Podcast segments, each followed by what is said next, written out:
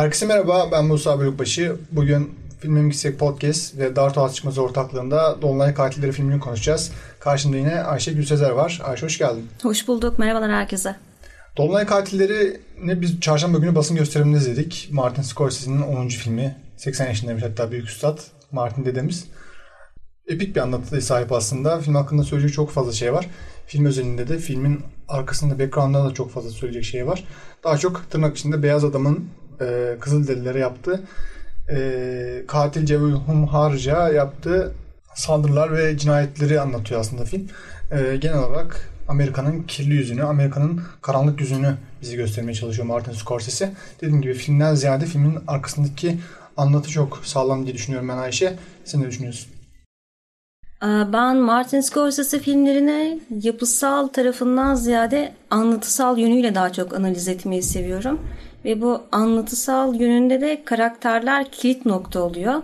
Daha doğrusu bana kalırsa Martin Scorsese demek bir karakter dönüşümü demek genellikle filmlerde. Ve bir de bu karakterin muhakkak karşılık geldiği bir olgu, ideoloji olması gerekiyor genellikle. Şimdi DiCaprio'nun oynadığı karaktere baktığımızda Ernst'te bir defa bu adam nasıl bir adam? Neyi çok seviyor? Parayı çok seviyor ve kadınları çok seviyor. Zaten film boyunca da bunu görüyoruz. Para ve karısı arasında sürekli gidip geliyor. Kadınların her türlü sevdiğini zaten söylüyor filmin başında. Her türlü seviyor. Evet. Neyse peki bu adam neye karşılık geliyor bunun karakteri? Benim yorumuma göre baştan sona Amerika Birleşik Devletleri'nin ta kendisi bu adam. Bir yere kadar işte sadece para hırsıyla her türlü etik değeri göz ardı ederek kendi ailesine olan bağlılığını göz ardı ederek her şeyi yapıyor. İğrenç şeyler yapıyor. Burada araya girmek istiyorum izninle. Burada Ernst mi Amerika yoksa onun dayısı olan William Hell mi? Yo yo Ernst. Ernst modern Amerika'nın ta kendisi. Yani Amerika'nın tarihsel süreçte geçirdiği evrimin ta kendisi bu Böyle diyerek Amerika'dan e, Amerika'nın bir nasıl diyeyim e, bir şeylerden etkilenerek o yaptığı bütün suçları bir şeylerden etkilenerek yapıyorsun. Bence bu evet, kurama göre William evet, Hell daha uygun. Çünkü bir şeyleri fitleyen bir şeyleri hayır, hayır. o William Hell var ya hı hı. tamamen bana kalırsa bu dış güçler diskuruna uyan bir adam. Biz yapmadık diyor. Hani içimizdeki hmm, işte bu nifak tohumları zaten işte adamın mason olması da boşuna değil burada. Kesinlikle. Kesin yani doğru, bana kalırsa o şekilde ben o şekilde okudum.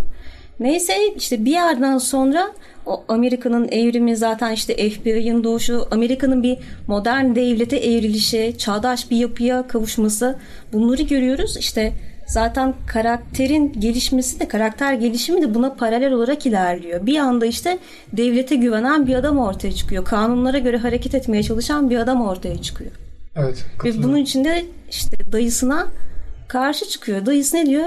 Ya işte onlar seni kandırır ya boş ver falan. Yani direkt şey geleneksel devlet yapısıyla geleneksel toplum devlet yapısı bu anlayış ve modern devletin bir oluşum süreci karşımızda. Tarihsel olarak da ben bu şekilde değerlendirdim. Doğru haklısın katılıyorum. Ee, ilk baştaki fikrin benim biraz kafam karıştırmıştı. Aslında William Hell daha uygun diye düşünmüştüm ama dış güçler diskurunu daha iyi destekliyor tabii ki dediğin şey. Ee, burada istersen biraz filmin konusuna bahsedeyim ben. Filmin konusu 1930'larda geçiyor. 1930'ların Amerika'sında geçiyor ve e, bir grup Kızılderili'nin topraklarında petrol çıkıyor ve petrolün de getirisiyle beraber e, Kızılderililer zenginleşmeye başlıyorlar. Ve e, bu Ernst Burkhardt ve William Hale de e, bunun gibi pek çok beyaz adam da e, Kızılderililerin bu mülküne konmaya çalışıyorlar. Aslında bunu anlatıyor. E, süre gelen bir savaş neticesinde biliyorsun Kızılderililer Amerikalıların e, işgaline ve sömürüsüne maruz kaldılar. Hatta katliamına maruz kalarak yok oldular. Şu an Kızılderili sayısı çok az gibisinden bir durum var. E, aslında buradaki durumu belki de biraz daha konuşmak lazım. E, Martin Scorsese biraz içeriden bakarak kendi ulusunu da e, nasıl diyeyim içeriden anlatıyor ve bizde olsa buna şey derlerdi. Yani en azından Türkiye'deki medyayı Vatan haini derlerdi. Vatan haini derlerdi. Yani ülkeyi kötülüyor, cartçut derlerdi ve pek çok şey festivalden atılırdı bu film. Ama Amerikan toplumuna bakınca Amerikan toplumunda veya Amerika'yı övmek istemiyorum burada ama e, çok güzel bir beyaz bir yönetmen beyazların günahlarını anlatmaya çalışıyor ve bunlardan suçlarıyla aslında yüzleşiyor. Yüzleşmesini sağlıyor.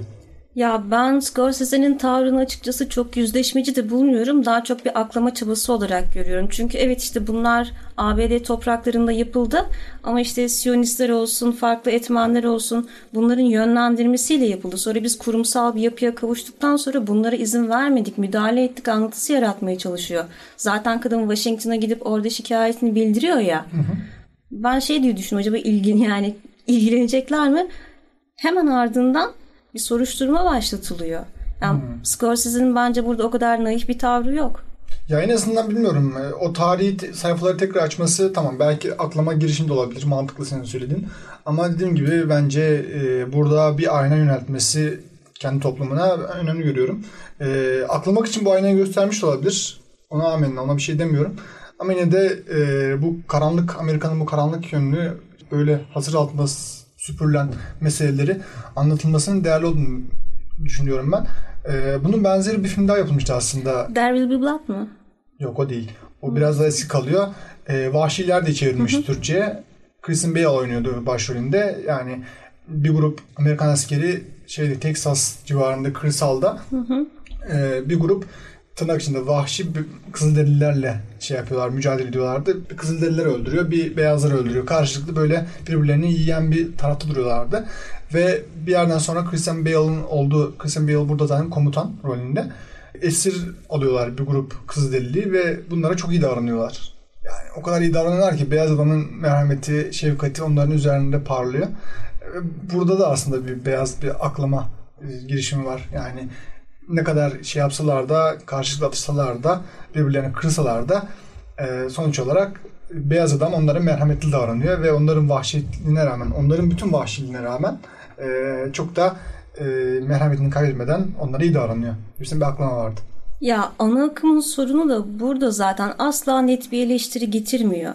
Çarpıcı bir şekilde bunları yüzümüze ya tamam yaptık işte Allah kahretsin demiyor hep bir buna başka bir fail bulmaya çalışıyor. Hı hı. Ve işte biz hatamızı fark ettik ve bunu düzeltmek için elimizden geleni yaptık mesajı vermeye çalışıyor. O yüzden ben ana akımda yapılan senin verdiğin örnek olsun, Derby Blood olsun ya da en son izlediğimiz Dolunay Katilleri olsun hiçbir şekilde de aslında samimi bulmuyorum. Yani evet bunu anlatan yine beyaz bir yönetmen. İşte beyazların işte geçmişteki bir takım yanlışlarını anlatıyor farklı gruplara karşı. Ama ama ama işte Peki buradaki aklama düsturuyla ben şey anlıyorum. Filmi sen çok beğenmedin açıkçası herhalde. Yok yok filmi çok sevdim. Ama aklama durumu çok sıkıntılı değil mi ya? Ben bunu düşünseydim ben filmi İyi de sevmiyorum. Bu, bu filmi kötü bir film yapmaz ki. Ama sonuç olarak anlattığı altyapısıyla niyetinin kötü olduğunu gösterir.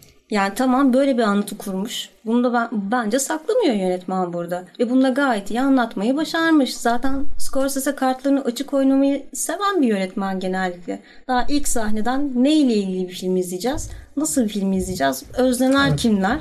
Görüyoruz bunları yani. Ya klasik dramatik yapıyı çok iyi işleyen o senaryo örgüsünü çok iyi bilen bir insan. Zaten 80 yaşında bir adam. Bu da Scorsese'yi yerden yere vur, vuracak değiliz yani. Yok yok asla. Çok seviyoruz ikimiz de. Bilmiyorum. Taxi Driver'ı ben o kadar sevmem. Herkes sever ama genel olarak sinemasını seviyorum ben adamın. Ama şey anlatı yapısını bilmiyorum ya. Buradaki çok temel bir şey görmüş olacağım. Ben o, ben o aklama durumunu görmemiştim.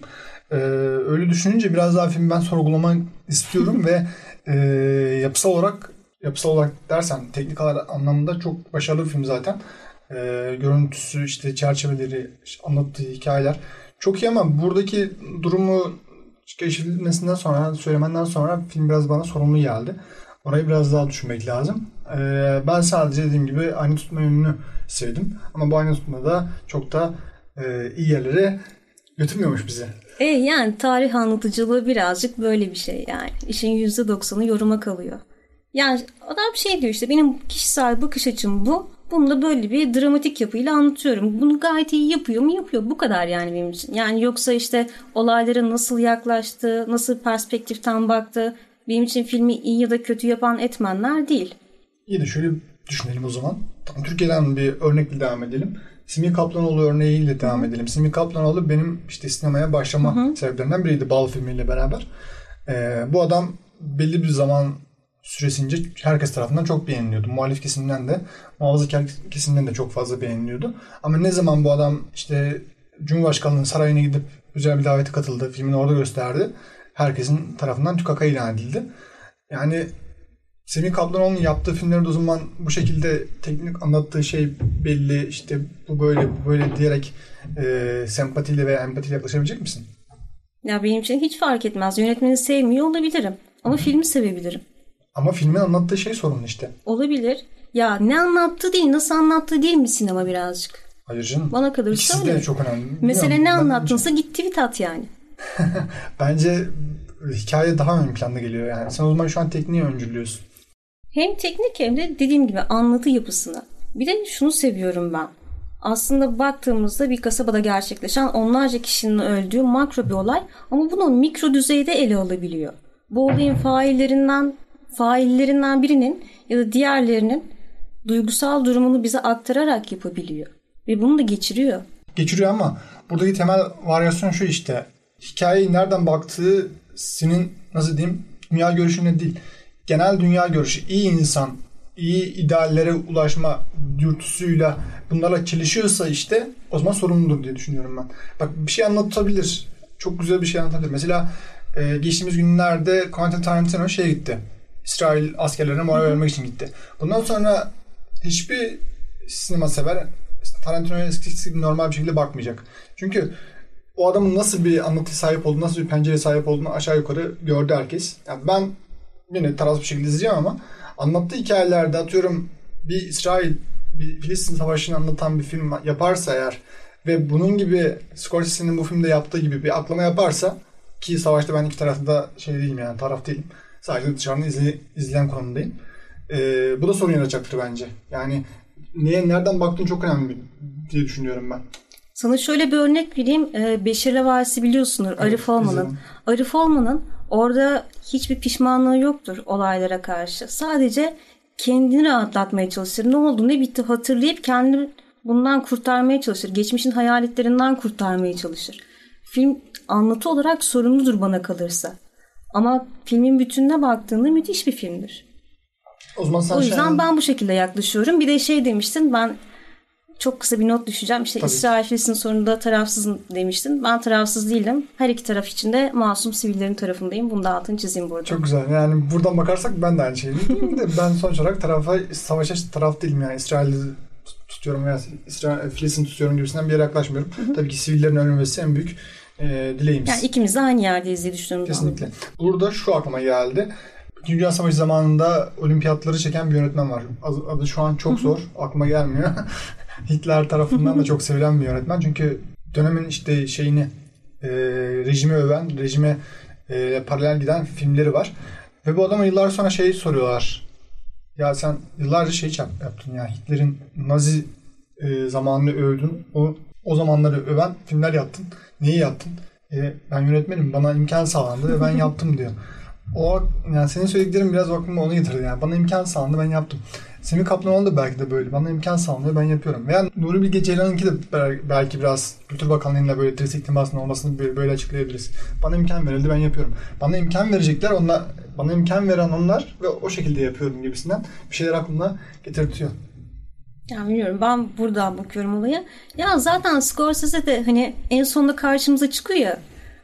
Arkadaşlar bu bir filmdir diyor ya. Hani Çok ben bu şekilde arada. gördüm böyle anlattım. Siz çok daha farklı düşünebilirsiniz bunu yani. Bu bir filmdir sonuçta.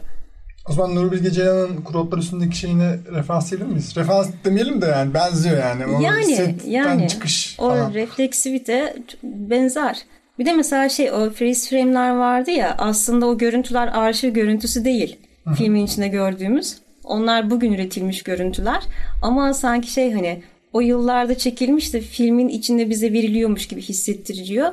Bu da işin bizim tarihsel boyutuna yani tarihsel boyutuna bakmamız konusunda izleyiciyi teşvik eden bir şey. Hmm. Bana öyle hissettiriyor. Sen burada belgeselci yönünü biraz konuşturuyorsun. Olabilir. Ya çünkü zaten şöyle bir şey hani o fotoğraflar o yıllarda çekilmiş olsaydı bile her şey olduğu anda çekilmeyecekti. Olup bittikten sonra sonra bir şeyler bizim karşımıza çıkacaktı. Bugün de aynı şey bir yerde. Yani evet karakterleri işte dramatik yapıyı düşünün diyor ama biraz da tarihsel bağlamına siz bakın diyor bence. Hani izleyiciyle filmi biraz baş başa bırakıyor.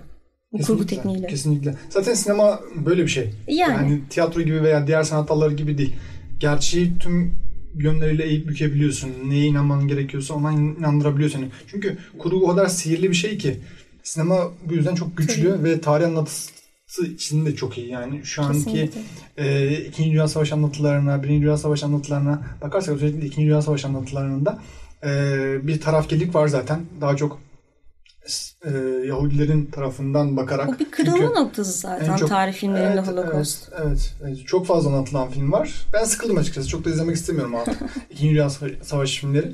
Ee, çok fazla yapıldı çünkü Tarantino da zaten alternatif tarih anlatısıyla Soysuzlar Çetesi'yle bunun nasıl diyeyim noktasını koydu aslında ya. Bundan sonra da Artık yeter dedi burada ya. Evet. Nolan da Dunkirk'le yaptı ama berbat bir filmdi. Böyle yani ben genel olarak bunları söyleyebilirim ya. Filmin Öyle yani majör taraflarından bahsetmek istedim ben. Majör taraflarını biraz konuştuk ama sohbet esnasında sohbet şeyinde gibi oldu bu. Bayağı atışmalı. bir münazara döndü böyle. Münazara döndü evet. En serbest Ama işte dedik ya zaten film çok işte göreceli bir şeydir. Herkes farklı algılar. Yoksa bir filmden hepimiz aynı şeyi anlayacaksak her hafta niye burada toplanıp konuşalım ki? Tabii ki tabii ki. Şunu atlamayalım. Bu film bir romandan uyarlama. Evet. Sen dedin işte sinemanın tarih anlatısındaki önemli bir yeri var. Evet gerçekten bu sadece bir roman olarak kalsaydı böyle bir hikayeden kaç kişinin haberi olacaktı? Kaç kişi düşünecekti? Bir de o karakterlerin ölüm anını en azından bu küçük bir örnek sadece nasıl canlandıracaktık kafamızda? Yani bunu sinemaya aktarmak müthiş bir şey. Müthiş bir şey. Yani aslında şeyde de, edebiyatta da bu var. Herkes farklı bir şekilde yorumluyor. Yani o kitapta karakterlerin ölmesini herkes farklı bir şekilde kafasında kuruladı veya petrollerin şeylerden Kızılderililerin topraklarından çıkması başka şekilde tasavvur edilebilir ama sinemada Martin Scorsese tek bir şey kuruyor bize. Gözden bakıyoruz. Onun gözünden bakıyoruz sonuçta. Yorumlama bize kalıyor. Ama bilmiyorum edebiyat belki burada da derinlik olarak sinemayı bir tık geçiyor gibi. Ya derinlik olarak değil de aktarım konusunda diyorum ben daha çok. Hı, evet olabilir. Yani çünkü ikisi farklı formlar. Yazı ve görüntü. İkisinin o audience'da yapacağı etki çok farklı. Kesinlikle yani görüntü zaten bir tık daha ileri götürüyor. Mesela şey eskiden gazete vardı. Gazetenin etkisi bir tıktı. Sonra radyo geldi ses tık daha arttı. Sonra görüntü ve ses geldi daha da arttı. Ee, evet aktarım konusunda daha değişik e, bir şeylerdeler. Kulvardalar. Edebiyat Yani. ve sinema. Hele ki bir de bu kurmaca bir hikaye ise zaten şey düşünüyoruz. Belki evet işte gerçek dünyanın bir temsili değildi. Hayali bir dünyanın temsili bu karşımızda. Ama o yine dediğim gibi o gerçeklikle işte kurmaca arasındaki çizgiyi de kırıyoruz burada yavaş yavaş. Çünkü biri nerede başlar, diğeri nerede biter. Evet belki yüzde yüz her şey gerçek değildi ama böyle şeyler de oldu. İnsanlar belli bir bölgeye itildi, malları ellerinden alındı ve öldürüldüler. Bunu tekrar düşünmemizi sağlıyor. Kesinlikle öyle. O zaman ne yapalım toparlayalım mı? Yani evet bence artık söyleyeceklerimizi söyledik. Bence de Yeteri söyleyeyim. kadar kavga ettik. Ee, Dolunay, Dolunay katilleri hakkında genel olarak bunları söyleyebiliriz. Uzun bir yayın oldu nispeten. Neredeyse 20 dakika konuştuk. Bu haftalık bizden bu kadar. Ayşe son bir eklemek istediğin bir şey var mı? Valla şu anda yok. Aklıma böyle bir şey gelirse gecenin bir yarısı çat diye açıp eklerim onu da. Eklersin. Wow. Tamamdır öyle olsun. Tweet at ya niye ekliyorsun? Podcast yayını? Yayını burada kapatalım. Ama önemli olan ne dediğim değil, nasıl söylediğim bunu. Doğru söylüyorsun. haklısın. O zaman bu haftalık bizden bu kadar. Kendinize iyi bakın. Görüşmek üzere.